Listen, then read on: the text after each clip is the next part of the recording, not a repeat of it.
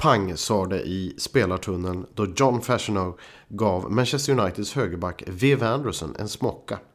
Därefter en spark. Matchen var över. Wimbledon FC hade faktiskt vunnit.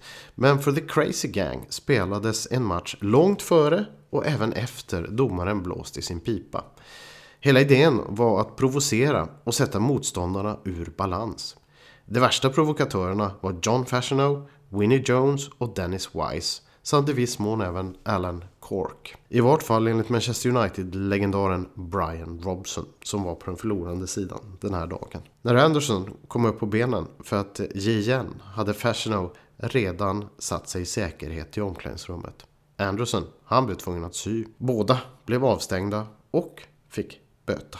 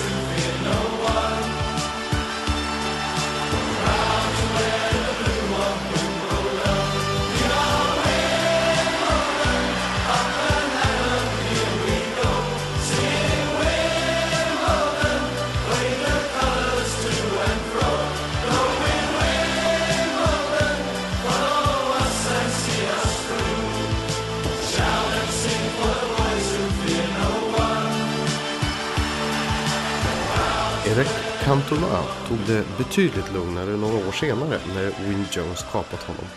Sparka på mig om du vill, men det kommer inte att hindra mig. Det var i FA-cupen 1994 och United vann med 3-0 i en match som Alex Ferguson, managern, var mäkta nöjd med. Eftersom han ansåg att det var en myt att Wimbledon spelade dålig fotboll.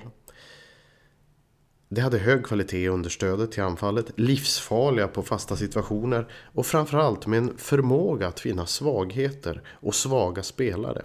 Om du inte stod upp och gjorde ditt jobb så straffades du. Vi talar 80-tal, vi talar 90-tal, The Crazy Gang, på och utanför plan. Likt humlan som inte kan flyga tog de sig till den högsta divisionen och där en framskjuten placering vilket senast toppades med en FA-cuptitel 1988 mot ett då magiskt överlägset Liverpool faktiskt. Ett lag, en klubb och en inställning omöjlig att inte fascineras av.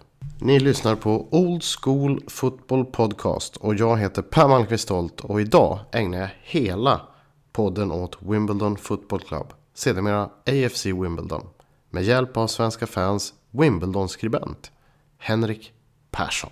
Ja, då tänkte jag i, i, dagens Old School, eller veckans Old School, så har jag faktiskt möjlighet nu att sitta och prata lite grann med Henrik. Persson som är eh, AFC Wimbledon-supporter och dessutom kollega i, i våran syster eller broderpodd eller vad man säger, The Editors. Och eh, jag vet jag har fått på Facebook, jag har fått lite förfrågningar om att prata om just Wimbledon. För det finns ju rätt mycket spännande historia kring den klubben. Och nu när Henrik ändå är hemma hos mig så tänkte jag att då kan vi ju passa på, eller hur? Jättebra, passande. Ja, och då tänkte jag, alltså man börjar, Wimbledon är ju, det är ju en gammal klubb. Den bildades ju som alla andra klubbar där i slutet på 1800-talet. Men de blev professionell, eller kom med i Football League först 1977. Vilket är rätt sent. Stämmer. Det, det var, ju, var ju lite annorlunda på den här tiden. Att man mm. hade ju inte direktuppflyttningar utan man Nej. var ju tvungen att bli invald i, i The Football League. Ja.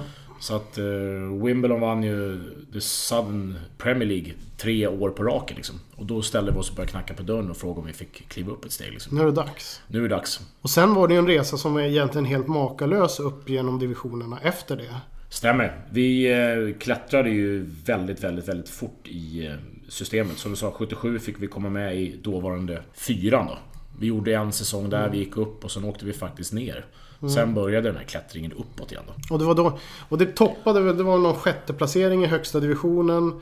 Plus då förstås 1988 när ni vann fa Cup-finalen. Den magiska klassiska. Ja. 88, 14 maj där när vi får lyfta bucklan mot alla tvivlare kan man väl säga. Det var väl inte många som trodde att vi skulle mäkta med det.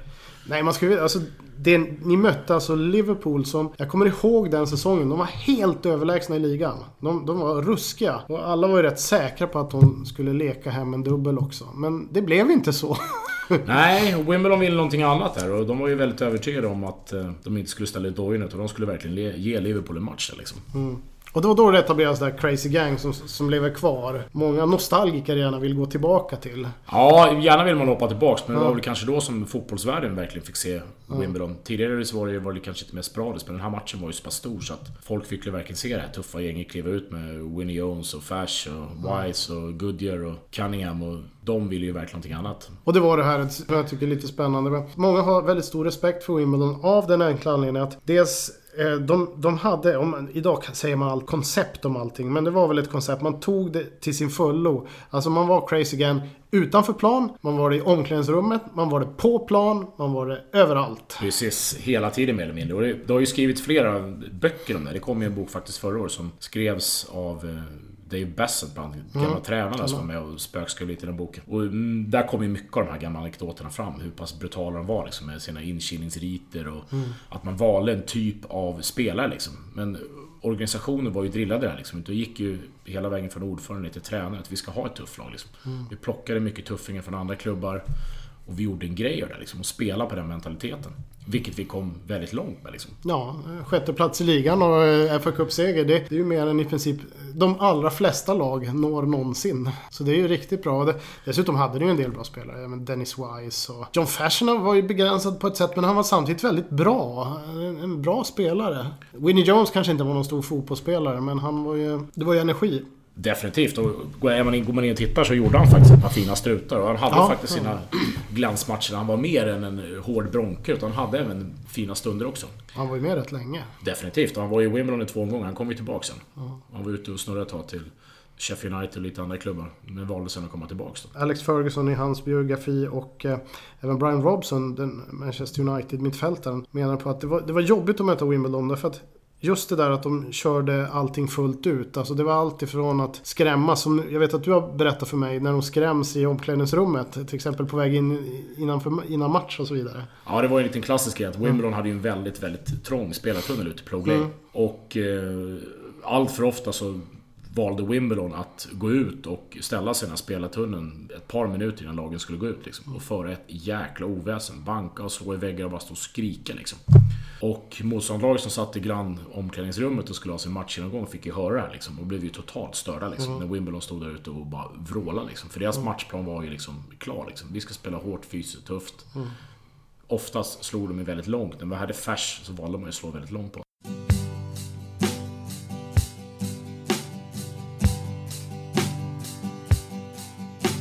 My football club was taken. I thought it was gone for good. Tears fell as protests fell on deaf ears. But the fans would not be beaten, and our club was reborn. To reach League Two only took nine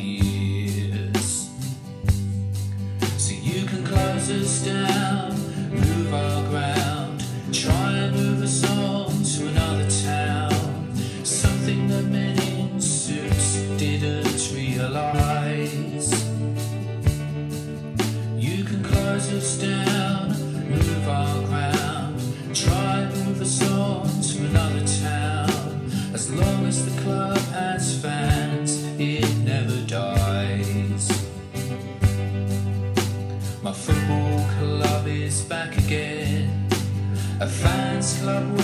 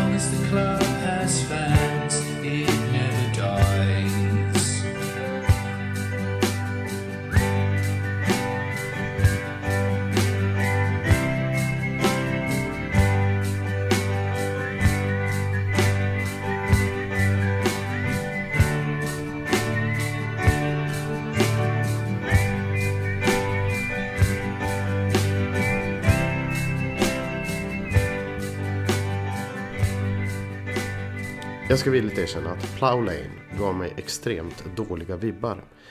En arena där det sällan gick att spela någon vettig fotboll. Dels på grund av motståndets karaktär, dels på grund av själva arenan. Mitt Everton hade det ofta svårt där. Centerforwarden Graham Sharp beskrev det hela som att man visste exakt vad som väntade. Målvakten lägger ut bollen till en ytterback som skickar upp den till en centerforward så fort som möjligt. Däremellan var det hård fysisk kamp om varje millimeter på plan. Men Wimbledons taktik sträckte sig långt utöver vad som låter som klassisk one-route football.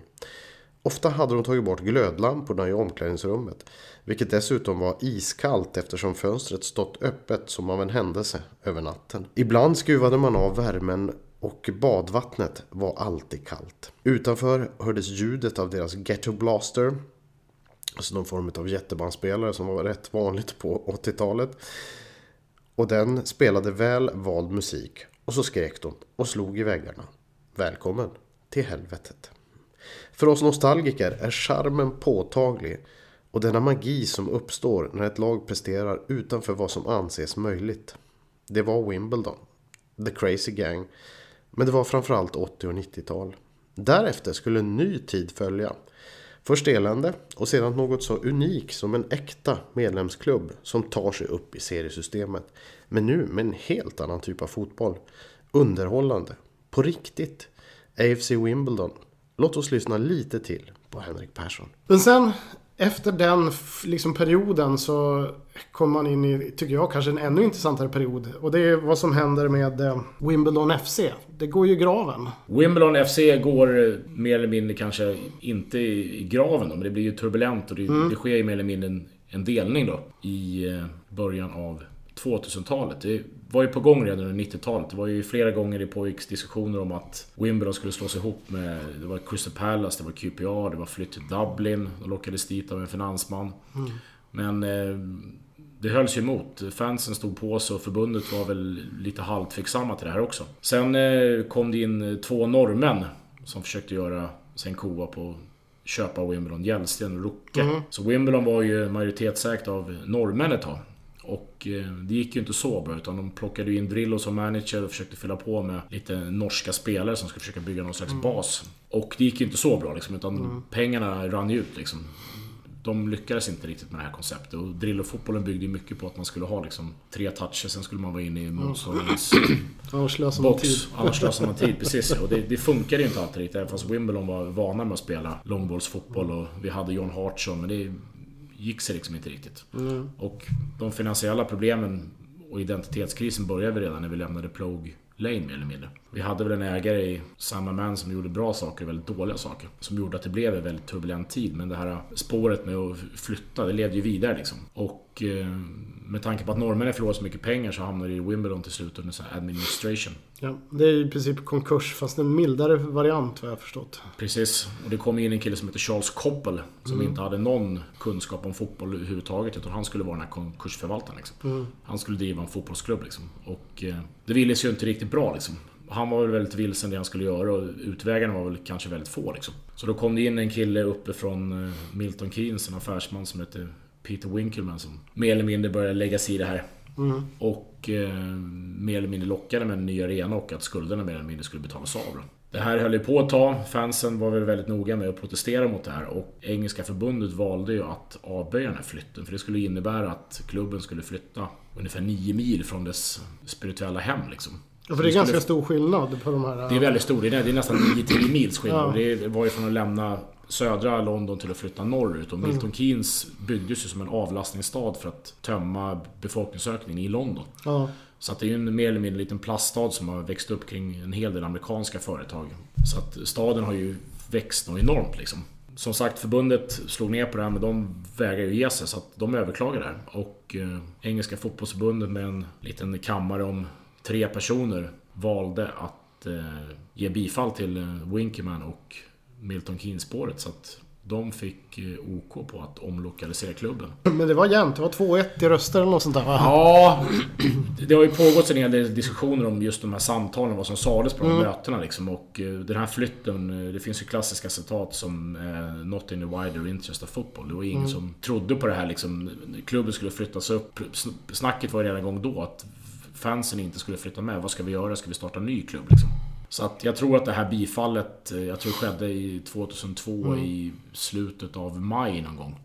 Och bara ett par dagar senare så hade Wimbledon bildat The, The Dons Trust. Och ett par dagar efter det, i början av juni, så var AFC Wimbledon grundat som en fotbollsklubb. Då. Och då fanns det egentligen två fotbollsklubbar så att säga. Det fanns två fotbollsklubbar. Det fanns ett AFC Wimbledon som är riktiga Wimbledon och så fanns Wimbledon FC kvar. Då. De levde kvar fram till 2004 under det här lånade namnet. Och sen bytte de ju till Milton Keynes, inom citationstecken Dons, som vi gör allt i vår makt för att vi ska plocka av dem. Men Wimbledon startade ju om det 2002. Vi hade en eh, stor laguttagning ute på ett fält i södra London som heter Wimbledon Common, som är en stor park. Och bara ett stenkast från den här Wimbledon Common så ligger puben The Fox and Grapes, där vi bildades en gång 1889. Där sattes även de här grabbarna som var med och startade upp nya klubben och började spå på de här nya spåren. Så att mer än 100 år senare så sitter det ett nytt gäng som ska ta klubben till nya nivåer. Bland annat Chris Stewart och Mark Jacobs var två av de som var på den här puben. Och de är kvar fortfarande. De är kvar och cirkulerar i den klubben också. Chris Stewart kanske har försvunnit ut lite mer. Han var satt med som ordförande Men Mark Jacobs är ju ytterst figurerande och dyker upp mycket i massmedia i form av stormatcher och sånt. Så den här laguttagningen var ju en öppen laguttagning mer eller mindre. Folk kom ju från hela London för att ta en plats i det här laget liksom. Vi hade ju ingenting överhuvudtaget att gå på liksom. Så det var någonting uppåt ja, 300 man som dök upp på ett öppet fält och man började med laguttagning. Det här är ju ganska häftigt ändå för det, var, alltså, det här är en medlemsägd klubb helt och hållet. Stämmer, helt klart. One vote, one share. Så att det är ju enormt. Och ni börjar långt ner i seriesystemet. Vi alltså, började längst ner. Vi försökte ansöka om att få börja högre upp i systemet men det yrkades ju liksom...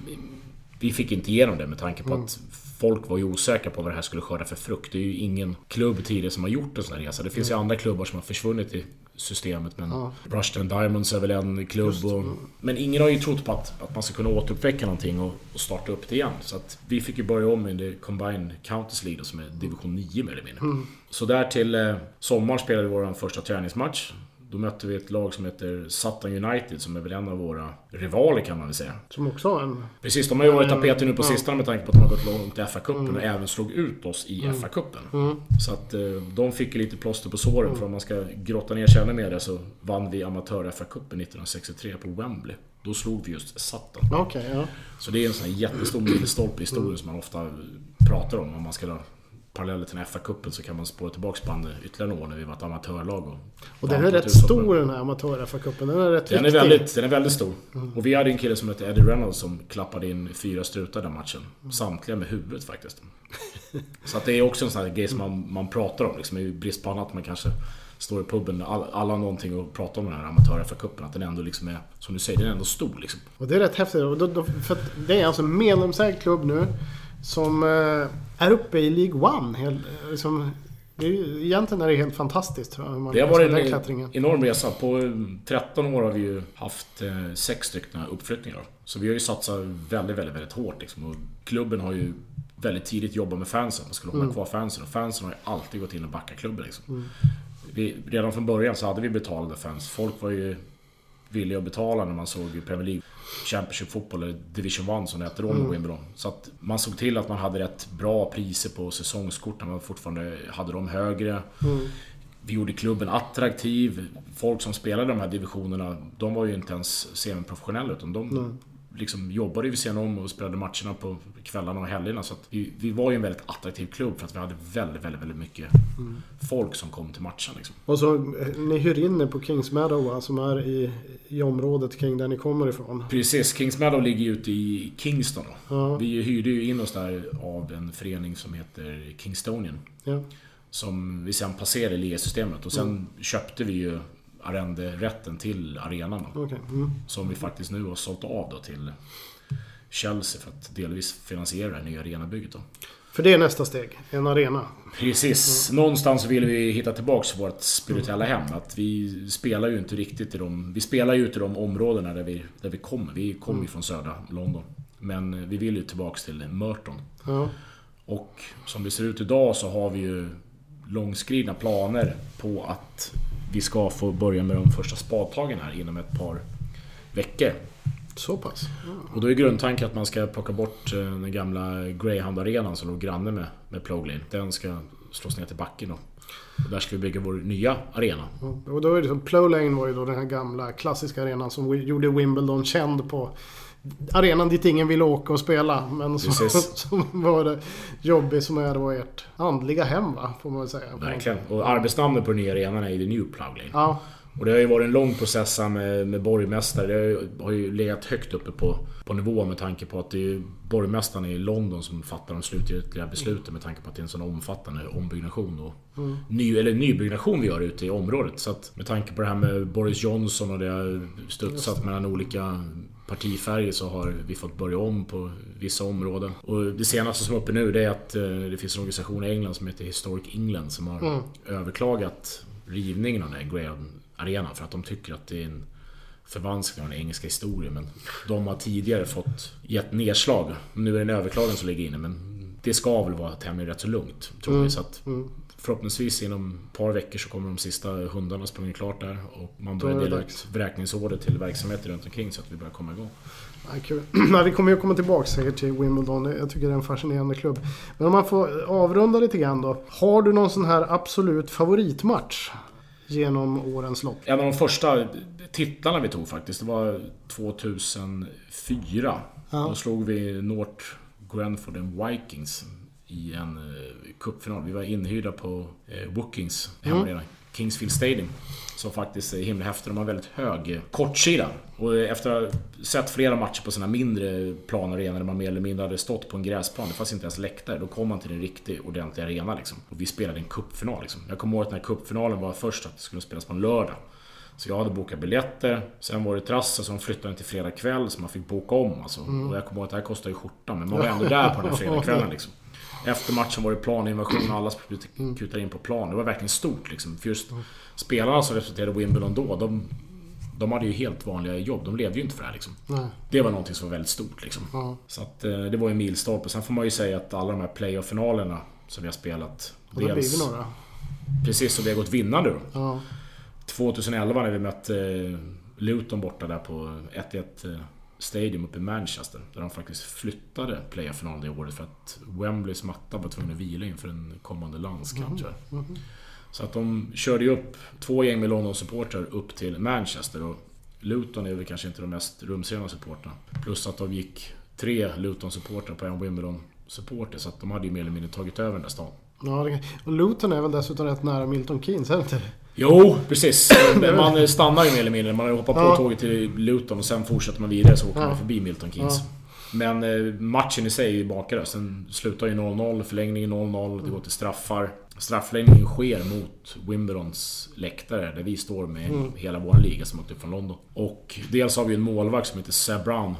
Som numera går under smeknamn eh, The Hero from the Eastlands. Gjorde ju en makalös räddning där. För att i eh, straffomgången efter kliver ju Danny Kedwell, vår lagkapten fram. En riktigt sån här karaktäristisk lagkapten, anfallare. Stor, stark, stabil, en riktig tuffing. Alltså går in och klappar in den här bollen. Så att eh, Wimbledon är klara för, kan man säga, liksom League 2 liksom. Så det var ju någonting som var helt enormt. Och likadant förra årets playoff-triumf igen. Där vi tar Plymouth. På ett Wembley där det nästan är 60 000 pers och kollar en playoff-final i League 2. Och vi möter ett Plymouth som på förhand också återigen var storans favoriter. De tog ju nästan med sig 35 000 fans upp från sydkusten liksom. Så pass. Ja. Så att det var ju en galen tillställning och en fantastisk inramning. Och där märkte man ju också, alla känner vi säkert till Adebayo Akinfemba, den här profilen vi har haft som har figurerat en hel del i massmedia. Han var ju väldigt ifrågasatt sista säsongen. För han var väldigt stor liksom. Han var väldigt lättläst liksom. Det var en target. Men eh, han kunde inte så mycket mer. Men när säsongen började gå mot sitt slut, när vi körde de här... Vi spelade semifinalerna mot eh, Accrington. Han växte fram till en jätte. Playoff-finalen blev han inbytt alltså. Kom verkligen in och visade styrka och besked och låg även bakom ett mål. Han valde ju att slå in en straff där. Så att det var också väldigt stort. Så att det är otroligt eh, fina minnen. Men Favoritspelare då? Genom favoritspelare genom åren. Eh, vi hade en lagkapten väldigt tidigt som hette eh, Mats Everard. Ja. Som eh, är en otroligt härlig profil. Och vilka år pratar vi ungefär? Nu? Han var aktiv ungefär mellan eh, 2003 till 2005-2006.